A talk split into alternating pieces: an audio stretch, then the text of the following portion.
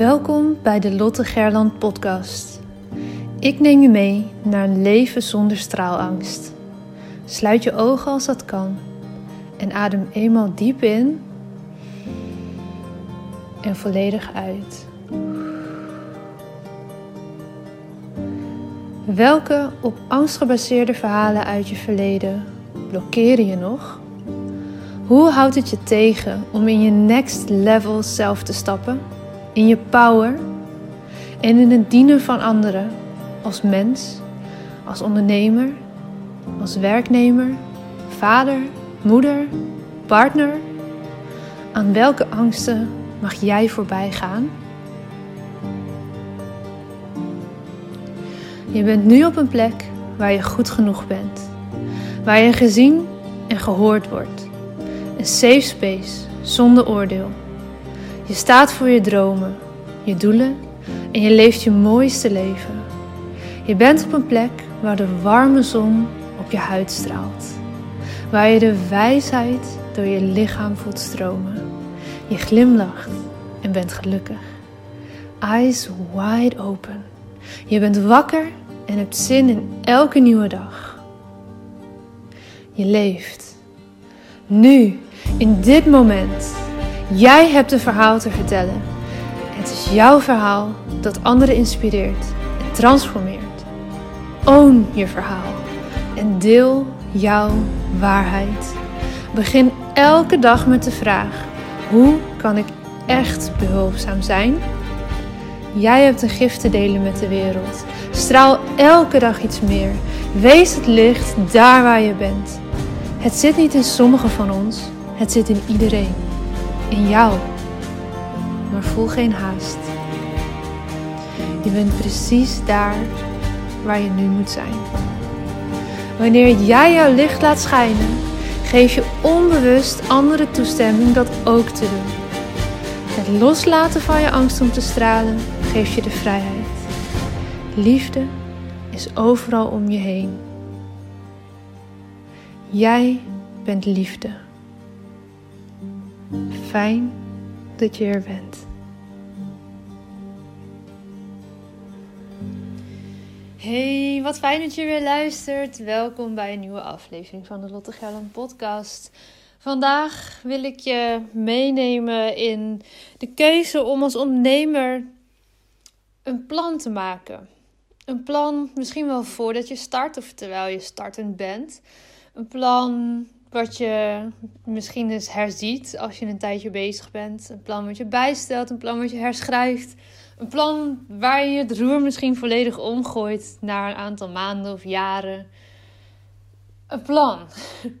Wat ik regelmatig zie gebeuren en wat ik zelf aan de lijf natuurlijk heb ondervonden toen ik startte met ondernemen, is dat je ofwel start zonder plan, ofwel met een half plan, of met een plan wat zo gedetailleerd is uitgewerkt dat je eigenlijk er ook niet mee kan werken, want het gaat toch altijd anders dan je verwacht. Dus ik ben geworden wel een voorstander van een plan op hoofdlijnen. Een plan waar een bepaalde logica in zit. Waar bepaalde stappen die in het ondernemerschap universeel zijn in terugkomen. Maar ook één waarin je makkelijk kan bijstellen. Waarin de boel niet vaststaat. Waar je misschien wel doelen hebt voor ehm, een jaar, drie jaar, vijf jaar, misschien zelfs tien jaar. En waar je gericht naartoe kan werken, maar waarin je ook de ruimte hebt om bij te stellen. Want waarvan ik nu denk, daar wil ik over tien jaar staan denk ik misschien over drie jaar wel heel iets anders. En wil ik dat bijstellen. En niet een soort van ja, maar ik heb het toen nooit opgeschreven, dus nu moet ik het ook gaan doen. Nou, ik heb ehm, vorige week een VIP-dag gegeven. En ik heb ook uh, samen met Paula, met wie ik op vrijdag altijd een podcast uh, online zet, een mooie sparringsmiddag gehad. En eigenlijk ging het in beide dagen best wel over wat is nu eigenlijk je ondernemersplan? We hadden het over hun plannen, maar ook over mijn eigen plannen. En hoe je dat toch best wel regelmatig bijstelt. En we kwamen uit op een aantal hoofdthema's die toch altijd wel, die, nou ja, die je erbij pakt om je plannen, je businessplannen in beeld te brengen. En vaak begint het met een visie. Gecombineerd met een bepaalde missie ook wel. Veel ondernemers, die vooral waardegedreven ondernemers, dienstverleners, zit vaak ook wel een bepaalde missie achter. Maar je hebt in ieder geval een visie nodig. Waar wil je naartoe de aankomende jaren? Vervolgens ga je kijken van welke plek wil ik innemen in de markt? Welke positie neem ik in in de markt? En er zijn natuurlijk allerlei vragen die je daar jezelf bij kan stellen. Maar het is belangrijk, want als jij je koers bijstelt, dan verandert misschien ook wel jouw positie in de markt. Als jij langer bezig bent met ondernemen, zal je ook merken dat jouw positie in de markt verandert. Omdat je uh, meer ervaren bent en um, ja, anders komt staan als je net start en net komt kijken dan wanneer je uh, veel meer ervaring hebt als ondernemer. Maar ook jouw positie in de markt is anders. Als jij start op uh, met ondernemen op 40, 50-jarige leeftijd, is anders dan wanneer je start op 20-jarige leeftijd. Waarom? Omdat je waarschijnlijk al een bak werkervaring meedraagt. Of dat nu in dezelfde richting is of in een andere richting. Je hebt al heel veel ervaring opgedaan in het werkende leven. En dus ben je misschien als ondernemer wel nieuw in die wereld. Maar je weet wel al een beetje hoe de boel werkt op inhoudsniveau. En, en misschien als je in dezelfde scene blijft werken, start je dus als ondernemer, maar ben je vaak inhoudelijk een senior en weet je echt wel waar het over gaat. En mag je dus ook gelijk die positie in de markt innemen. Dus als je je visie helder hebt, ga dan kijken naar welke positie neem ik in in de markt. Vervolgens ga je inzoomen op onder andere je, je zichtbaarheid, hè, je storytelling, waar ik natuurlijk ook heel veel mee bezig ben met ondernemers. Wat wil ik nu precies laten zien? Uh, dat zit een beetje tussen positionering en marketing in. En in het begin hangt dat misschien meer naar positie innemen. En op een gegeven moment ga je steeds meer richting marketing. Wat ga je online en offline doen? Welke uh, stappen zet je om meer klanten aan je te binden of potentiële klanten aan je te binden, om een following te krijgen als je gebruik gaat maken van social media. En uh, ja, welke tools ga jij voor je laten werken? Wat past bij jou? Wat past bij je business? En welke manier van marketing wil jij gaan inzetten voor, jou, voor jouw business? Daarna volgt natuurlijk dat je ook zal moeten leren verkopen.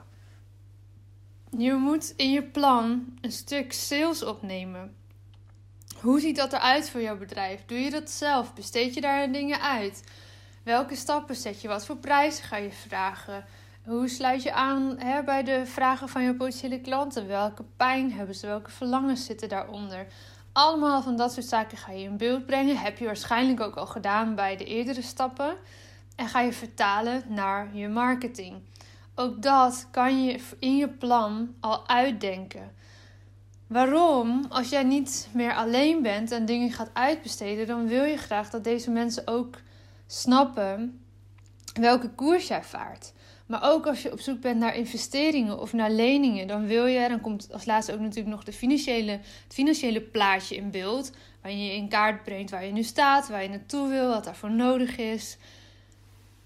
Als je met mensen gaat samenwerken, of dat nu freelance is of mensen in loondienst neemt, als je op zoek bent naar een investering, naar een lening, dan zal je een bepaalde koers op papier moeten kunnen zetten. Als je werkt met stagiairs ook bijvoorbeeld, zodat je zo makkelijker kan inwerken en dat iedereen ook mee gaat werken in die koers die jij al hebt bepaald als kapitein van het schip. En heel vaak als je start met ondernemen zit dat allemaal in je hoofd. En ook als je de koers hebt bijgesteld en bijvoorbeeld iets nieuws gaat doen, gewoon je bedrijf hebt omgegooid, dan zit die visie en al die stappen die daarna volgen, zitten vooral in je hoofd. En het is zo fijn om dat uit je hoofd op papier te zetten, zodat het voor iedereen duidelijk is. In de eerste plaats voor jezelf, want je wordt gedwongen om over al die stappen weer na te denken. En vervolgens voor de mensen om je heen die met jou werken, die voor jou werken. Of van wie jij geld wil lenen of die uh, worden in jouw business.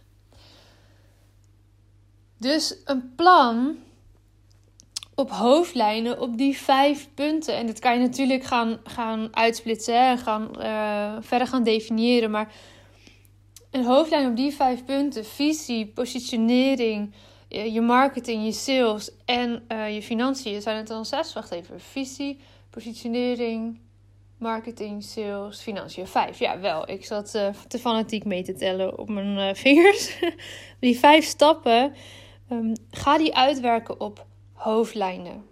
Dan heb je een plan, een ondernemingsplan op hoofdlijnen. natuurlijk, hè, als je echt voor een lening naar de bank gaat, dan zullen die misschien andere eisen daaraan stellen. Um, ga dan mee ook in wat zij willen zien, uiteraard. Dat lijkt me voor zich spreken.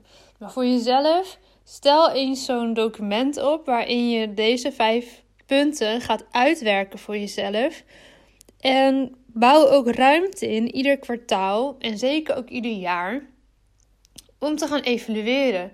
Wat heb ik bedacht? Hoe is dat gegaan? Welke stappen heb ik gezet in de tussentijd? En ben ik daar tevreden mee? Ga ik door op de koers die ik heb bepaald? Wil ik ergens bijstellen? En wat dan? En kan je dat dan weer even opnieuw doordenken, hoe dat er dan uit moet gaan zien? Wat voor gevolg dat heeft voor jou, voor de dingen die jij doet, voor de mensen die je inhuurt en die ze doen, voor de systemen en de processen die je in hebt gericht voor je business. Het is essentieel dat je eens in de zoveel tijd zelf of met bijvoorbeeld een business coach daar even bij stilstaat. Want op die manier ga je kunnen ondervangen dat je alleen maar als een gek werkt naar een soort punt, naar een soort stip op de horizon en je komt nooit bij de horizon aan. Omdat de horizon steeds verder weg is. Omdat het nooit goed genoeg is, omdat het nooit af is. En dat is zo ontzettend zonde, want ondernemerschap is een reis. En als je niet geniet van die reis, dan is het net als je in een loningsbaan zit waar je ongelukkig bent. Want de reis is wat het mooi maakt het plan, het uitvoeren van een plan is de reis die het mooi maakt. En het plan gaat nooit exact zoals je het vooraf hebt bedacht. Nooit. Maar de tussenstapjes in het grotere plan kun je wel echt realiseren, tot uitvoering brengen. Maar je zal altijd merken als jij een 10 plan schrijft, dat je over 10 jaar waarschijnlijk ergens anders uitkomt dan wat je nu hebt verwacht. Of dat de weg er naartoe heel anders is gegaan dan dat je nu hebt verwacht. En dat is oké. Maar een plan voor een jaar, voor een aantal jaar, helpt je om terugredenerend keuzes te maken vandaag. Als een soort meetlat van welke dingen doe ik wel, welke dingen doe ik niet. En doe ik ze nu of doe ik ze later? Investeer ik daar nu in of later? Doe ik ze zelf of doe ik iemand anders voor me?